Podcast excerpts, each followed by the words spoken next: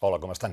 Ahir tothom parlava del passaport europeu de vacunació o certificat verd, que s'hi pot salvar la temporada turística, que si serà gratuït, bilingüe, digital o imprès, um, que no serà discriminatori perquè es podrà viatjar igualment sense estar vacunat, però si no estàs vacunat i arribes a un país diferent uh, del teu, hauràs de seguir les normes que hi hagi, fer-te un test o observar una quarantena.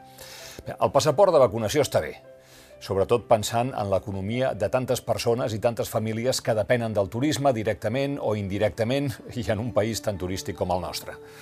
Però hi ha un problema previ. Saben quin percentatge de ciutadans de la Unió Europea estan vacunats de la Covid-19? Amb dues dosis, un 4,2%. Amb una dosi, un 9,8%. En aquestes circumstàncies, en aquestes condicions, el passaport és una mena de pastanaga. És un desig de normalitat, però estem lluny de tornar a la normalitat circulatòria perquè la vacunació va molt lenta. Les xifres de vacunats a Catalunya són així de baixes. Segons dades del Departament de Salut d'aquesta setmana, el nombre de persones vacunades a Catalunya és 650.000, aproximadament.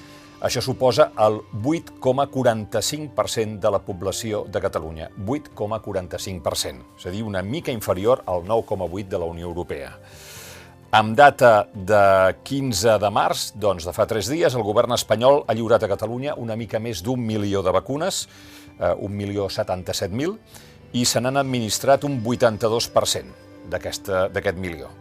I a la ciutat de Barcelona, ho dic per posar un altre exemple, la vacunació va començar el diumenge 27 de desembre, de moment amb data 16 de març, s'han vacunat 150.000 persones, un 9% de la població, una mica més d'un 9%.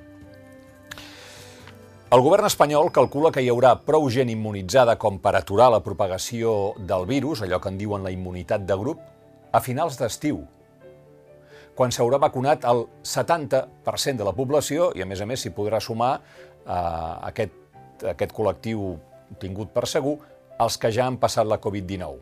70% de vacunats a finals d'estiu.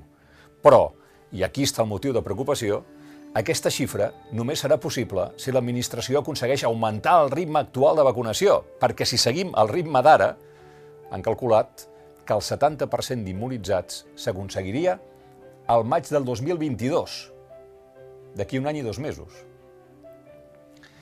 El problema d'aquest ritme tan lent no és eh, a Barcelona o a Madrid només, ve sobretot de Brussel·les. Ho expliquem avui.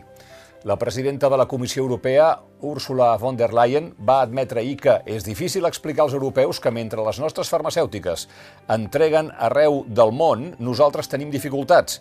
Exportem a una trentena de països, però no ens arriba res.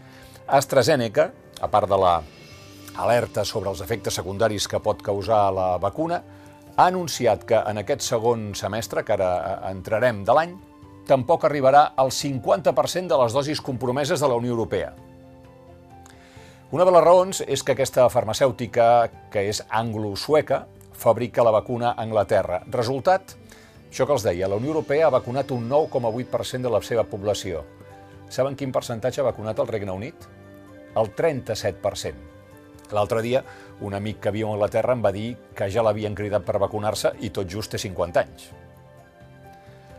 Els científics han corregut molt a fer la vacuna i les empreses estan corrent molt a fer negoci.